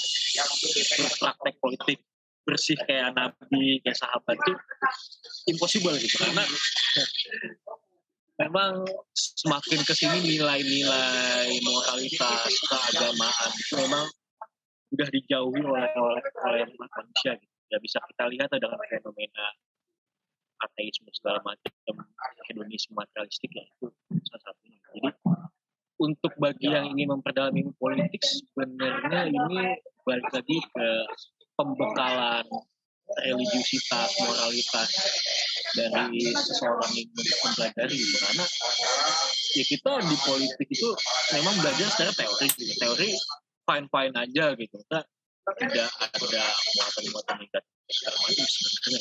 Yang bahaya memang praktek ya. Dan juga ya di sini lah dituntut kearifan seorang dalam menyikapi sebuah fenomena yang amat sangat dibutuhkan oleh politisi dan juga Aristoteles atau apa ya bilang ya apa yang filosofi tinggi gitu kan. Dia harus harus bijaksana gitu kan tapi itu masalah gitu karena memang dalam masalah-masalah kehidupan terutama politik yang sensitif akan kekuasaan dan hajat banyak orang ya harus bijaksana gitu. Dan tidak bisa mengikuti hawa nafsunya atau hawa nafsu oh, nanti tidak bisa gitu. Ini memang pendidikan karakter moral itu ya mau nggak mau gimana pun caranya jadi landasan utama dalam orang-orang yang belajar, belajar dan berproses di bidang politik. Dari pengalaman. Uh, Oke, okay. uh, nambahin sedikit. Uh, jadi gimana ya gimana caranya maksudnya uh, untuk menjadi seorang politik yang jujur ya? Uh, sebenarnya sih ya ini nggak nggak ada di dalam uh, teori ilmu politik yang cara menjadi how to be a good man gitu kan ya sebenarnya ya ya ilmu politik gimana ya uh, yang membahasnya mengenai uh, struktur ketatanegaraan, konsep, ide, uh, gagasan dan lain sebagainya. Tapi kalau untuk mengenai how to be a good man mungkin ya lebih ke karakter ya itu tadi pendekatan agama mungkin bisa ataupun pendekatan moralitas gitu kan. Nah, uh, ya itu sih mungkin uh, gimana caranya supaya uh, seorang politik itu bisa bisa bisa baik gitu kan. Nah, uh, tapi uh, di dalam ilmu politik juga sebenarnya ada ada kajiannya juga yaitu mengenai etika etika politik. Jadi ya la, tapi lagi-lagi ya itu hanya sebuah sebatas teori aja, sebuah hanya sebatas konseptual gitu kan. Gimana menjadi seorang politik uh, politikus tapi beretika gitu. Itu sih mungkin. Kalau uh, mungkin tambahan dari gue uh, singkat ya, maksudnya kayak kita sebagai mahasiswa, khususnya kita kita ini nih yang belajar mengenai ilmu politik gitu, nggak hanya yang di UIN aja gitu, di seluruh Indonesia, ya kita yang membawakan perubahan itu gitu. Kita yang mempelajari mengenai seluk beluknya politik, bagaimana idealismenya dalam berpolitik, etikanya politik seperti apa, cita-cita luhurnya politik seperti apa gitu. Kita implementasikan ke dalam kehidupan seharian kita. Kita jadikan diri kita ini sebagai contoh nyata gitu. Bahwa politik itu nggak selalu, nggak selamanya hal yang jelek, nggak selamanya hal yang negatif. Gitu. Jadi kalau dari saya pribadi ya kita mulai dari diri kita sendiri, menjadikan contoh bagi masyarakat banyak. Karena kalau misalkan uh, dari sosialisasi gitu kan, kita uh, mungkin dari pendidikan politik gitu kan, yang kita sampaikan kepada masyarakat gitu, ya mungkin masyarakat juga menganggapnya itu hanya sebagai teori biasa gitu, hanya sebagai sebuah gagasan, sebuah ide. Gitu. dalam penerapannya nggak ada gitu. Maka dari itu menurut saya mungkin yang cocok lah ya untuk digunakan pada masyarakat saat ini ya menjadikan diri kita sebagai contoh nyata bahwa politik itu bersih, politik itu juga bisa untuk mencapai kesejahteraan ataupun tujuan kita bersama gitu dalam bernegara. Seperti itu. Wah, oke, okay. menarik nih kak. Berarti bahasanya tuh kayak ngomong. Sorry, sorry, gue sharing lagi, gue sharing lagi ya. Oh iya iya, silakan. Boleh nggak?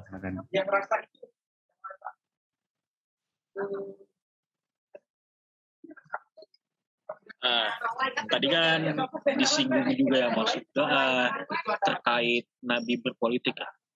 Nah di situ kita bisa ambil contoh yang amat amat sangat bagus. Begini. Uh, Nabi itu kan kita lihatnya secara personal ya. Secara personal dia memang memiliki akhlak yang bagus, tidak tidak materialistik dan juga tidak serakah dan juga respect terhadap orang. Nah itu uh, dalam dia berpolitik itu ada tahan terhadap value-value yang ada dalam dirinya gitu. Di situ mencontohkan mencontohkan dengan amat sangat gamblang bahwa yang dituntut seorang dari aktor politik ada value-value mulia yang ada dalam dirinya. Jadi uh, bukan soal agamis saja disclaimer tapi memang faktanya adanya jadi untuk bagi yang ingin belajar politik dan politik coba dilihatlah dari personal Nabi Muhammad dan juga sahabat-sahabat awal yang asal digunakan awalun kalau yang Khalifah setelahnya Utsman itu mohon maaf udah jadi lah maaf udah tercemar Nabi Muhammad memang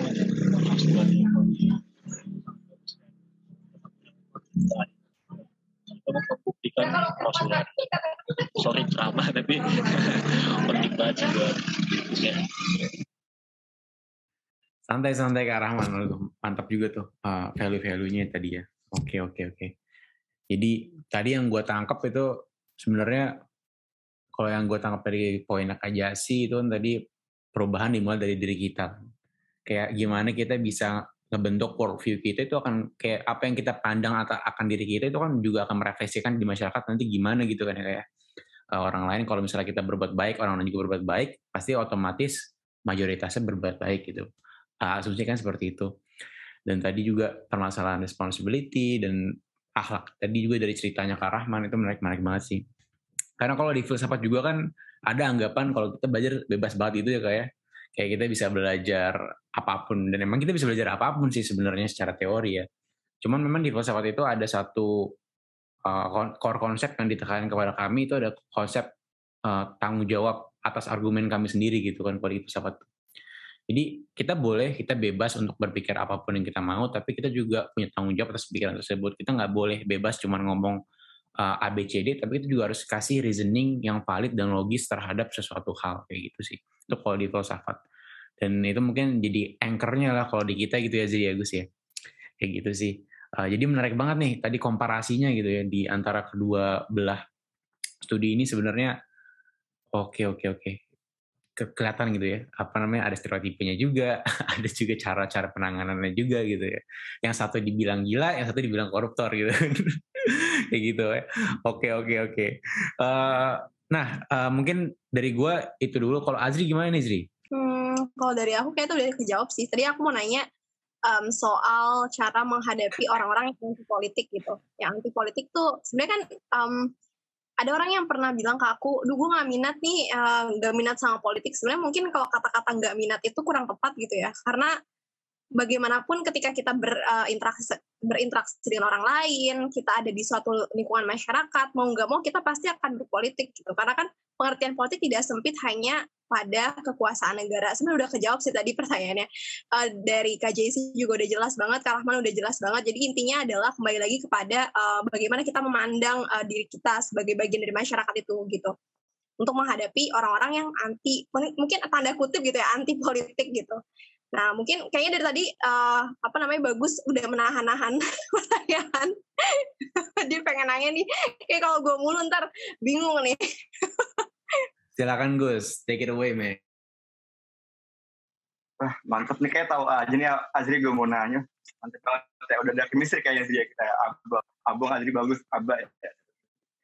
Tadi menarik banget kan tadi kalau filsafat di apa nya ateis. Kalau politik lebih juga ya parah juga ya di koruptor waduh. Supaya itu hal yang apa ya stigma yang masyarakat tuh asal aja nggak sih just mental gitu kan. Mungkin kita perlu kasih juga literasi yang baik mereka setiap dan tadi juga dibilang kan kita harus jadi ini lah orang eksemplar gitu kan. Contoh yang baik dan yang baik orang-orang pikir kok sebenarnya waktu itu nggak kayak gitu loh. Dan mungkin yang menjadi pertanyaan gue adalah gimana sih perubahan kalian gitu setelah dan sebelum kalian tahu politik kan. Tadi kan mungkin awalnya nggak tahu mungkin ada kan ada yang awalnya ragu untuk mulai politik atau mungkin pilihan pertama gitu kan. Tapi pengen tahu dong before sama after kalian masuk politik kayak gimana? Mungkin setelah kalian masuk ke politik itu lebih tahu oh politik itu sebenarnya bisa jadi realistis kok atau seperti apa? Uh, uh, before and after terjun politik uh, before sih lebih menganggap hal sesuatu yang terjadi di dunia itu simpel tapi setelah mendalami politik coba atau segala macam memang membuka mata dan pikiran bahwa dunia ini kusut fakta penuh orang jahat bajingan semua. Jadi jadi memang ya itulah.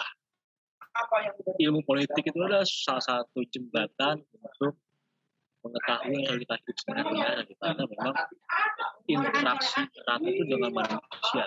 Dengan manusia yang sama-sama memiliki ambisi tujuan untuk meraih kekuasaan material dan materi.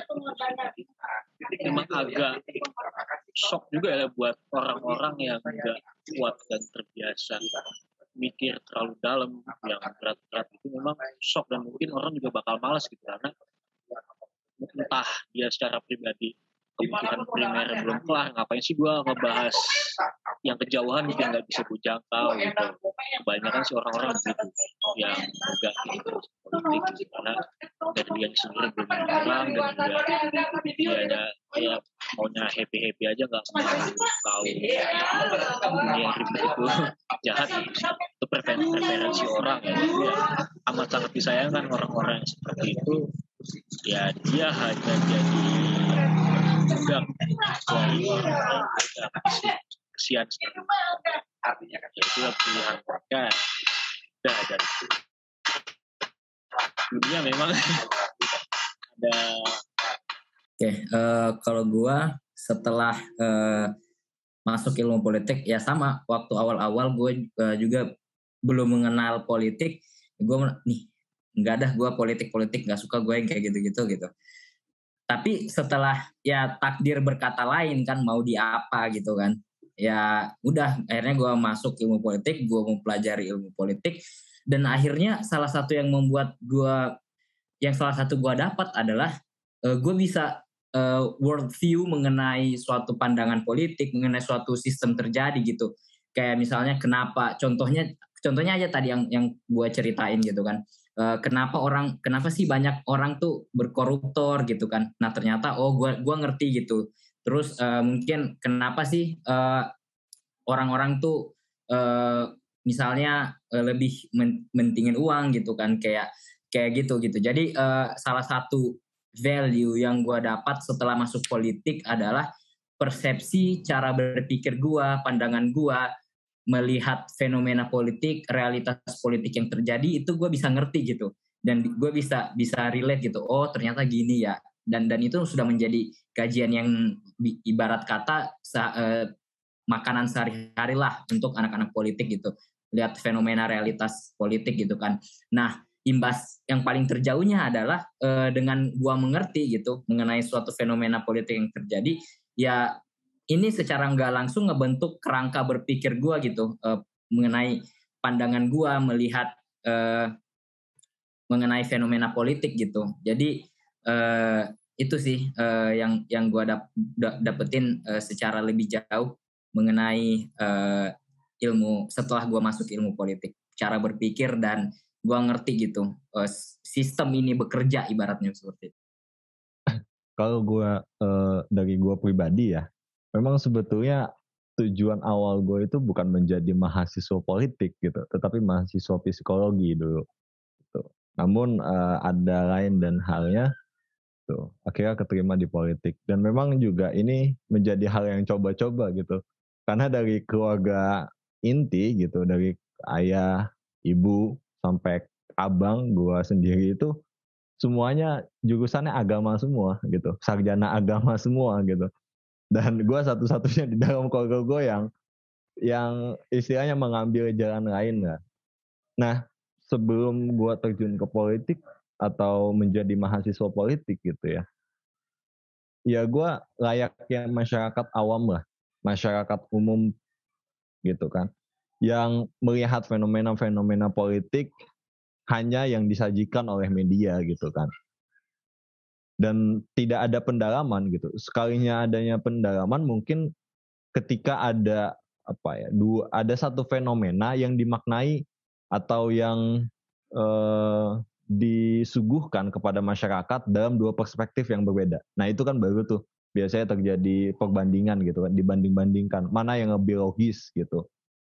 Nah ketika gue masuk menjadi ilmu politik dan mempelajari apa-apa saja tentang ilmu politik itu sendiri ya itu yang membuat gue bisa berpikir lebih jauh gitu. Maksud dan tujuan dari berpolitik dari suatu fenomena kita bisa mengetahui banyak hal gitu kan. Apa buruknya terjadi sampai terjadinya fenomena ini gitu kan. Kalau kita uh, dalam pandangan realis di dalam ilmu politik ini kan kita uh, apa ya sebuah negara itu tidak akan mau diajak bekerja sama sampai dia tahu maksud dan tujuan yang tersembunyi dari negara yang mengajak mereka untuk bekerja sama. Artinya kan sebegitu jauhnya politik gitu kan sampai yang tersembunyi di hati pun harus bisa dijelaskan gitu kan harus bisa diketahui gitu. Ini dia ngelakuin uh, misalkan gini deh ada satu politisi gitu kan uh, yang melakukan suatu tindakan gitu atau suatu kegiatan itu kita ha harus uh, apa namanya mengkaji lebih dalam gitu. Ini kenapa dia melakukan ini gitu kan. Dampaknya apa? Feedbacknya apa, keuntungan bagi masyarakatnya apa, jauh sampai ke sana gitu. Dan itu sangat gue rasakan gitu. Jadi ketika misalkan uh, ya di keluarga gue sendiri gitu kan berbicara mengenai politik gitu kan, tetapi mereka tidak uh, apa namanya mengkaji gitu lebih dalam mana yang fakta dan mana yang hanya di framing gitu kan, dibuat-buat seolah-olah memang itu benar gitu kan, dan mana yang tidak seperti itu. Jadi menurut gue ya sangat bermanfaat lah untuk kehidupan gue. Gitu. Nice. Ya, tadi gue juga setuju banget sih. Pasti kayak mungkin kayak gue sendiri gue juga kayak gue ke gue sendiri waktu gue juga belajar pesawat sama setelah gue belajar pesawat kan. mirip sih kayak yang tadi dibilang misalkan sama tadi Bang Jati atau mungkin Bang Rahman sama Bang kita gitu kan. Mungkin kita awalnya ngeliat kayak pesawat tuh kayak suatu hal yang gimana setelah dipelajari kayak wah banyak juga ya kompleks juga divert juga dan itu bikin kita mes gitu kan dan tahu juga apa sih kenapa fenomena terjadi gitu kan. Kenapa misalkan politik tuh kenapa ada misalkan banyak banget ideologi di dunia ini gitu kan kita jadi lebih apa ya lebih ini nggak sih lebih rapi lagi buat kan karitanya gitu kan. Gak asal oh mendapat A karena bilangnya uh, ideologi ini jelek loh atau mungkin nih ideologi yang paling buruk ke dunia jangan ikutin gitu kan. Ini pokoknya dilarang gitu kan. Kita harus saya tahu gitu kan. Itu menarik banget sih. Buat tahu lagi apalagi soal revok gitu kan. Itu kan penting banget. Apalagi sekarang tuh apa ya di masyarakat tuh oke gitu gitu kan. Orang bilang ideologi A itu area ini ikut hoaxnya gitu yang bikin apa ya bikin bikin kita lebih aware lagi sih dan mungkin bisa juga misalkan orang-orang kita. Mungkin dari Azri gimana nih? Kayak Azri mau ada yang mau ditanyain. Ini bagus lempar-lemparan ke gue lagi.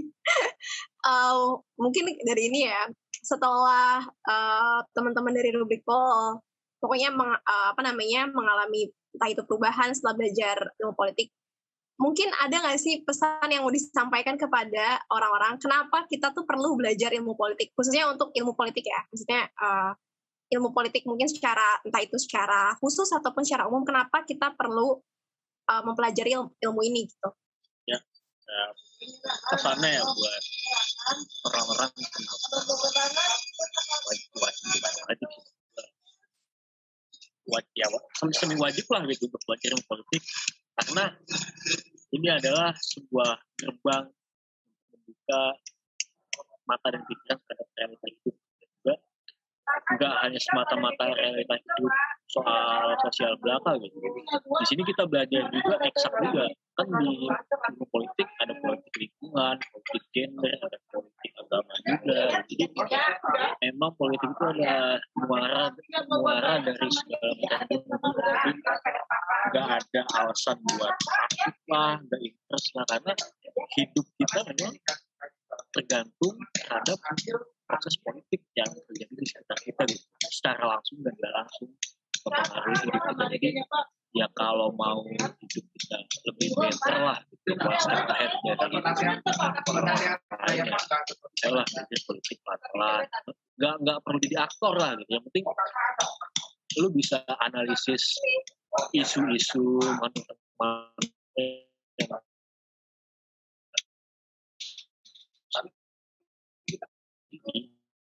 jelas tinggal itu Oke, okay. uh, uh, mungkin uh, yang pengen gue sampein uh, sama temen-temen, kenapa sih harus harus uh, sebenarnya bukan belajar politik sih, melek politik cukup menurut gue sih cukup melek politik aja, jangan jangan apolitis gitu, jangan anti politik. Kenapa? Karena ya yang sebagaimana yang kita tahu juga kan semuanya itu uh, kalau kata sastrawan Jerman mungkin teman-teman tahu uh, mulai dari uh, makan kita, pakaian kita, uh, mulai dari hal-hal yang kita butuhkan, seluruh aspek kehidupan kita itu secara tidak langsung itu merupakan hasil dari suatu kebijakan politik gitu. Nah jadi ketika teman-teman nggak melek politik atau anti politik maka uh, ya teman-teman ya hanya sekedar menjadi apa ya ibaratnya seorang yang tidak merdeka gitu. Jadi uh, karena setiap kebijakan yang diatur itu ya tidak lepas apa yang kita rasakan tidak lepas dari suatu kebijakan yang diatur gitu. Jadi untuk tentunya untuk uh, sebagaimana tadi uh, pengertian politik ya untuk bisa gimana caranya teman-teman uh, merasakan manfaat gitu kan dari suatu kebijakan tentu ter tertentu maka ya teman-teman harus uh, bisa melek politik gitu. Itu sih uh, menurut gue kenapa harus melek politik ya buat teman-teman. Ya kalau pesan dari gue mungkin gini ya. Untuk semua yang mendengarkan ataupun menonton podcast ini gitu ya. Ya kita memang tidak tidak mesti tidak wajib untuk mempelajari ilmu politik secara mendalam gitu tetapi setidaknya dasar-dasar politik dari kita semua ini bisa memahami hal itu gitu. Kenapa ini menjadi penting? Karena menurut saya ketika kalian mempelajari politik, kalian bisa tahu gitu maksud dan tujuan seseorang yang berbuat sesuatu atau melakukan suatu tindakan gitu. Tujuannya seperti apa gitu. Apakah dia akan merugikan negara ataupun masyarakat gitu atau mereka-mereka yang memang niatnya tulus untuk membangun suatu negara, ketatanegaraan yang baik dan benar gitu, memimpin masyarakat gitu, membawa masyarakat ini menjadi lebih baik lagi gitu. Ya benar tadi seperti yang disampaikan oleh Aksa dan juga Kak Rahman ini, nggak nggak wajib untuk mempelajari semuanya gitu kan. Dan juga uh, mungkin bukan menjadi aktor ya, tetapi mungkin uh, bukannya tidak wajib menjadi aktor, tapi berpartisipasi juga perlu gitu dalam berpolitik gitu. Jadi janganlah terlalu anti dengan politik karena politik tidak selalu tentang hal yang kotor, hal yang uh, menjijikkan gitu. Tetapi hal politik merupakan bagian penting dari kehidupan kita. kayak gitu. Hmm, setuju banget sih tadi yang dibilang. Mungkin lebih tepatnya prosesnya tuh balik politik ya. Apalagi sekarang kan kita di di satu negara gitu kan ada orang musisi gitu kan. Kita lihat ada yang mau jadi nyapres kan. Itu kan juga hal yang apa ya perlu kita lihat juga tujuannya gitu kan. Juga ada juga di negeri sebenarnya juga orang tinju gitu kan gantung strong tinju dan dia juga mulai untuk masuk ke perpolitikan. Nah itu berarti kan banyak banget ya mau politik di negara Indonesia gitu kan ada juga kan banyak banget yang aktor-aktor politik itu bukan dari jurusan politik dan mungkin juga tadi yang gue bilang juga di negara lain pun tetangganya juga ada kan orang atlet tinju gitu kan juga berusaha untuk jadi politikus. Nah, sebenarnya kalau kalian lihat sendiri atau mungkin gimana sih pendapat kalian tentang fenomena kayak gini gitu kan banyak banget politikus yang asal itu dari bukan dari ilmu politik. Sebenarnya sistem politik itu kayak gimana sih? Uh, Dan bagaimana uh, kalian hmm. tentang hal itu? Oke, okay. uh, jadi melihat fenomena banyaknya aktor politik atau pejabat publik yang bukan lulusan ilmu politik, menurut gue ya eh, pertama itu sah-sah aja selama itu ditempuh dengan eh, cara yang legal dan konstitusional, eh, nggak ada masalah, nggak ada aturan mesti harus eh, lulusan ilmu politik yang eh, duduk di pemerintahan gitu. Karena pada kenyataannya juga, misalnya kalau kita melihat eh, seorang kayak misalnya eh, menteri kesehatan ataupun uh, menteri riset ataupun hal-hal yang yang bersifat seperti itu itu kan sebenarnya jabatan politis gitu. Nah, mungkin pada suatu momen tertentu untuk menduduki jabatan-jabatan publik tersebut tentu orang yang harus ibaratnya orang uh, orang yang capable kan, orang yang capable di bidang di bidang tertentu jabatan publik yang dia uh, dia duduki gitu. Jadi uh, menurut gua ya ketika orang uh, mungkin uh, berpoli berpolitik karena tadi dibilang politik itu luas dan sumber dayanya juga luas, jadi meliputi ekonomi, uh, kesehatan dan lain sebagainya, pendidikan. Nah, kan nggak mungkin gitu kan misalnya uh, untuk jabatan atau posisi ekonomi itu di, ditempati oleh orang yang bukan uh, ahli ekonomi gitu kan. Jadi Nah, untuk jabatan politik, orang berpolitik tersebut tidak masalah, tidak ada masalah sama sama sekali. Cuman toh kalau misalnya ada orang yang mungkin kalau gue melihat gini ya, uh, seorang ilmu apa orang latar belakang ilmu politik atau ahli al, ilmuwan politik ketika menduduki jabatan politik itu mungkin lebih ke ibaratnya bukan posisi jabatan publik yang bersifat uh, gimana ya bersifat teknis atau bersifat uh, saklek gitu yang artinya ketika misalnya menteri ekonomi gitu uh, ya itu tentu orang harus dari ekonomi gitu kan.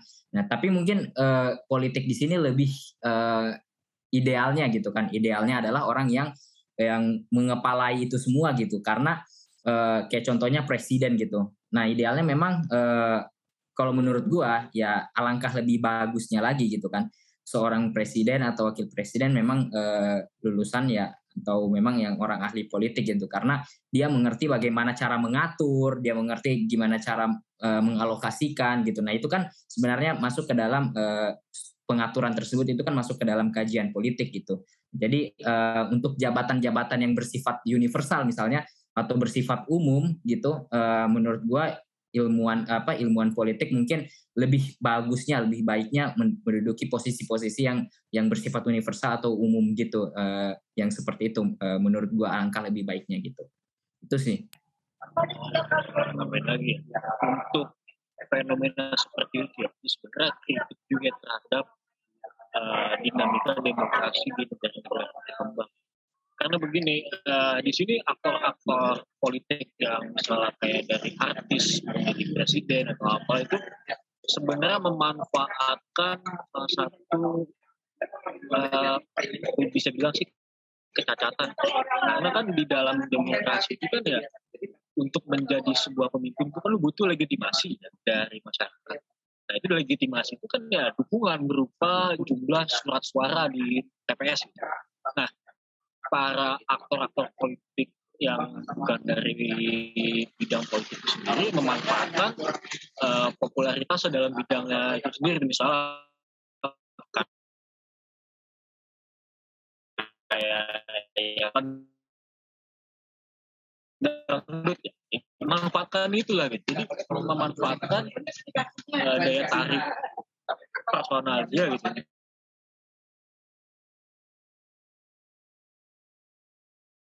Sebenarnya bermasalah ya gitu. Uh, dinamika demokrasi ke depan karena akan melahirkan demokrasi itu ya demokrasi yang dipimpin oleh orang goblok dan hal itu banyak di dalam sejarah gitu. Contohnya nih uh, zaman Soviet Stalin gitu. ketika Stalin naik kan itu ada pembersihan jabatan-jabatan. Nah di situ diisi oleh orang-orang politis semua. Jadi tidak ada orang-orang sesuai capable di pos itu jadi ya hasilnya bisa kita lihat bahwa di periode 1920 hingga uh, invasi Jerman itu Uni Soviet melakukan itulah salah satu efeknya. Jadi memang fenomena-fenomena aktor politik gaduh seperti itu ya harus dihilangi gitu. tapi kan ini balik lagi ke masyarakat sendiri. Masyarakat sebenarnya ketika sudah cerdas dia tidak akan memilih orang-orang yang seperti itu. Kita ya ngandelin tampang lah apa dia pernah main sinetron lah. Jadi nggak akan karena memang kondisi masyarakat kita masih amat sangat kurang ya. Jadi ya masih tumbuh subur gitu. Aktor-aktor politik dan masih gitu itu sih analisa Oke, uh, kalau menurut gua melihat banyaknya aktor-aktor politik gitu ya, atau orang-orang yang terjun ke politik gitu. Misalkan kita lihat aja di Indonesia gitu kan, yang terjun-terjun ke politik nih dari kalangan selebritis gitu, terus uh, influencer gitu kan entrepreneur gitu kan, para para pembisnis gitu. Ya itu menjadi hal yang wajar sih gitu kan, ketika mereka uh, berpindah gitu kan dari kebiasaannya menjadi seorang politisi gitu. Dan itu yang perlu kita kaji sebetulnya kan. Kenapa sih nih gitu kan? Itu kan menjadi pertanyaan besar nih. Kenapa sih nih mereka-mereka yang sebetulnya hidupnya udah enak gitu kan. Income-nya per bulan gitu bisa miliaran, triliunan gitu kan dari usahanya, dari bisnisnya gitu. Kalau tadi berbicara uh, petinju yang gantung sarung tinjunya gitu kan, padahal dari pendapatan dari apa namanya dari bermain tinju gitu kan, itu lebih besar daripada gaji-gaji menjadi seorang politisi gitu kan. Bahkan sempat disampaikan sendiri oleh anak presiden kita gitu kan bahwa gaji Bapak Presiden dan juga uh, seorang wali kota gitu kan. Itu tidak lebih besar dari gaji seorang pengusaha gitu. Tapi kan menjadi pertanyaan besar gitu. Kenapa banyaknya pengusaha banyaknya pembisnis banyaknya artis yang akhirnya berpindah gitu dari profesinya menjadi seorang politisi gitu. Nah itulah yang uh, menarik untuk kita kaji gitu. Nah sebetulnya kalau misalkan kita mau mengkaji ya, kan kita perlu nih uh, apa namanya mengetahui gitu kan pembisnis kenapa sih pindah gitu. Ya simpelnya sih seperti ini misal ketika kita uh, mau melakukan suatu bisnis itu kan kita harus mengikuti aturan main yang ada di suatu negara gitu kan. Nah, ketika nantinya bisnis itu terhambat oleh aturan-aturan yang dibuat gitu kan oleh negara ataupun oleh penguasa, maka cara terbaiknya adalah ikut dalam kekuasaan untuk membentuk iklim bisnis yang mendukung bisnisnya. Jadi perpindahan uh, seorang misalkan pembisnis ini gitu, kita bisa kaji sedalam itu gitu. Oh dia pindah uh, menjadi seorang politisi ya untuk mengamankan eh, bisnis-bisnis yang ada gitu agar tidak terbuang agar terus eksis gitu kan di masyarakat seperti itu sih. Jadi ada vested interest gitu loh kayak perpindahannya itu ya. Hmm, oke oke oke. Baik baik. Wah oke okay. ini tadi udah panjang juga nih uh, jawabannya. Oke oke mantap mantap. Uh, mungkin kak ini kan berhubung juga udah hampir mau selesai nih kita sesi kita kan. Satu pertanyaan lagi dari aku untuk menyimpulkan ibaratnya tema kita ini. Apa sih hubungan antara ilmu politik dengan filsafat gitu? Karena kan itu kan tema besar kita. Kita kan pengen ngaji interdisipliner dari uh, filsafat dan uh, ilmu politik gitu ya. Kalau dari kakak-kakak Rublik Pol sendiri tuh gimana menurut kalian? Untuk tema besar kali ini yang itu komparasi kurang lebih antara uh, kesimpulannya adalah bahwa sebenarnya ilmu politik dan filsafat itu sangat sangat berikan ya. dan juga memiliki spesialisasi dan paradigma tersendiri. Contohnya untuk filsafat jadi lebih secara teoritis dan membahas hal-hal yang ideal gitu kan. Sebuah permasalahan.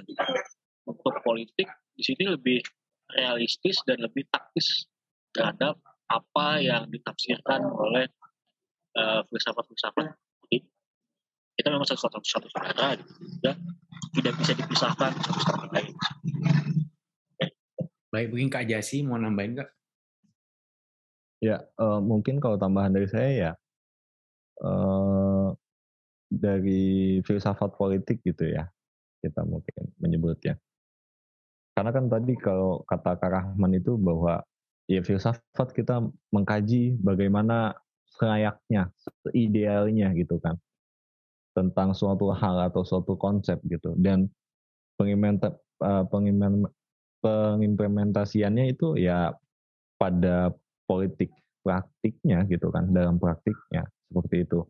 Nah, dirasa perlu adanya filsafat politik gitu agar kita bisa memahami nih bagaimana sih seharusnya dan seyogianya gitu kan negara berjalan seperti itu. Kita harus mengkaji terus sampai ke akar-akarnya gitu kan, sampai sedalam mungkin mengenai politik itu seperti apa gitu.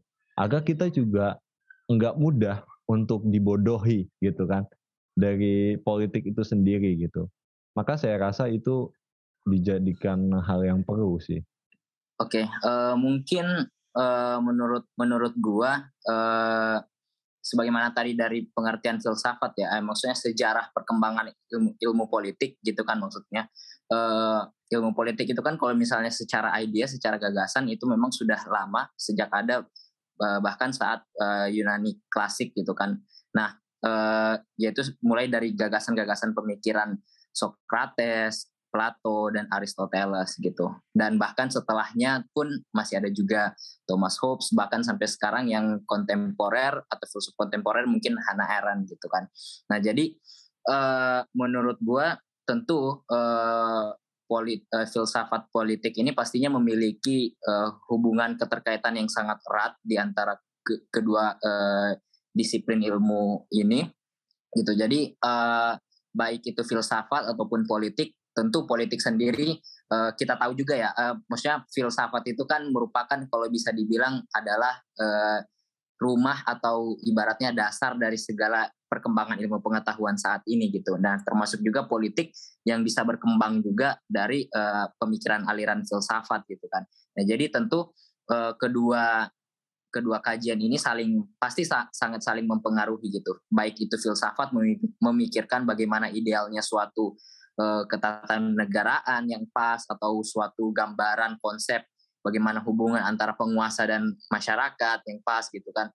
Nah, itu kemudian menjadi uh, pemik aliran pemikiran filsafat ada di dalamnya dan kemudian uh, menjadi kajian uh, politik uh, sampai saat ini gitu. Jadi uh, kedua kajian ini sangat sangat inilah sangat saling berkaitan erat antara sama yang lain.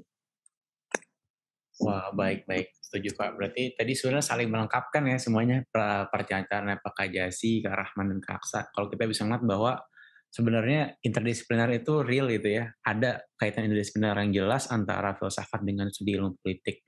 Bahwanya kalau filsafat, khususnya filsafat politik itu kan menjadi suatu alat yang normatif untuk menciptakan framework di mana nanti studi politik bisa bekerja, dan studi politik juga akan memberikan semacam fakta dan praktik dari uh, ke para filsuf itu untuk membangun lagi framework-framework untuk diperbarui lagi secara menerus-menerus ya. Jadi menarik sekali sih sebenarnya melihat interdisipliner ini. Dan mungkin ini bisa kita bahas lagi lebih dalam nanti di kesempatan lain gitu ya kayak ya, untuk melihat relasi ini. Jadi uh, mungkin apa ya kayak semacam kesimpulan yang bisa aku tarik tadi ya itu kan kita banyak banget berbincang dan udah mulai dari bahas stigma uh, pengalaman pribadi gitu ya seru-seru banget tadi ya dari apa itu politik yang paling dasar. Kita aku sendiri pribadi tercerahkan sekali gitu ya. Aku paham kalau misalnya ternyata politik ilmu politik itu nggak bukan belajar cuma permasalahan kayak di government uh, pemerintahan dan macam-macam tapi ternyata ada skala mikronya juga kehidupan kita juga itu sangat terikat dengan tataran masyarakat juga terikat sekali dan ada kekuasaan juga tadi konsep-konsep yang dibahas. Lalu kita ternyata ada sharing-sharing nasib di mana kita kena stigma-stigma di masyarakat juga gitu ya. Tadi yang sangat-sangat seru tadi ngebahasnya. Lalu tadi di sini kita bisa ngeliat jelas kalau ada kaitan interdisipliner antara studi politik dan juga filsafat. Jadi ya ibaratnya kita kalau ini bisa apa ya ada sinergi gitu ya antara kedua ilmu ini. Dan mungkin nanti bisa kita bahas lagi di kesempatan selanjutnya. Gitu sih Uh, oh ya, kawan-kawan aku juga mau ingetin kalau misalnya podcast ini tersedia juga di Spotify nanti bisa kalian dengerin secara format audio atau kalau kalian pengen nonton biar ngeliat muka-muka kita semua bisa juga nanti lihat di YouTube Aba. Itu bisa kalian cari di sana atau mungkin nanti bisa juga cek ke rubrik poll kalau kalian pengen lihat-lihat di sana juga mereka ada konten-konten juga ya kayak di sana ya Kak. Kayak gitu dan kalau misalnya kalian tertarik sama episode pertama di mana kita ngebahas filsafat itu nanti ada bakal di platform Public Poll dan di episode kedua ini kita ngebahas tadi yang sudah kita bahas secara panjang lebar dan seru tentang ilmu politik secara garis besar kayak gimana. Kayak gitu sih kawan-kawan. Dan mungkin dari kawan-kawan Public Poll apakah ada sepatah dua kata nih sebelum kita mengakhiri gitu uh, kesempatan ini? Uh, closing statement jatuhnya ya? Gimana sih? Uh, oke okay, jadi uh, statement ya sebelumnya gue mewakili Bipol ya. Berterima kasih dan juga mohon maaf ya terhadap ya kekurangan dari segi kualitas teknis dari kita lah gitu ya. Uh, dan gue amat sangat mengapresiasi kepada Abel ya, ya bisa collab bareng ya kan. Ya sharing-sharing ilmu lah gitu kan daripada kita kan. Alhamdulillah uh, jadi project statement dengan tema besar apa uh, filsafat eks politik.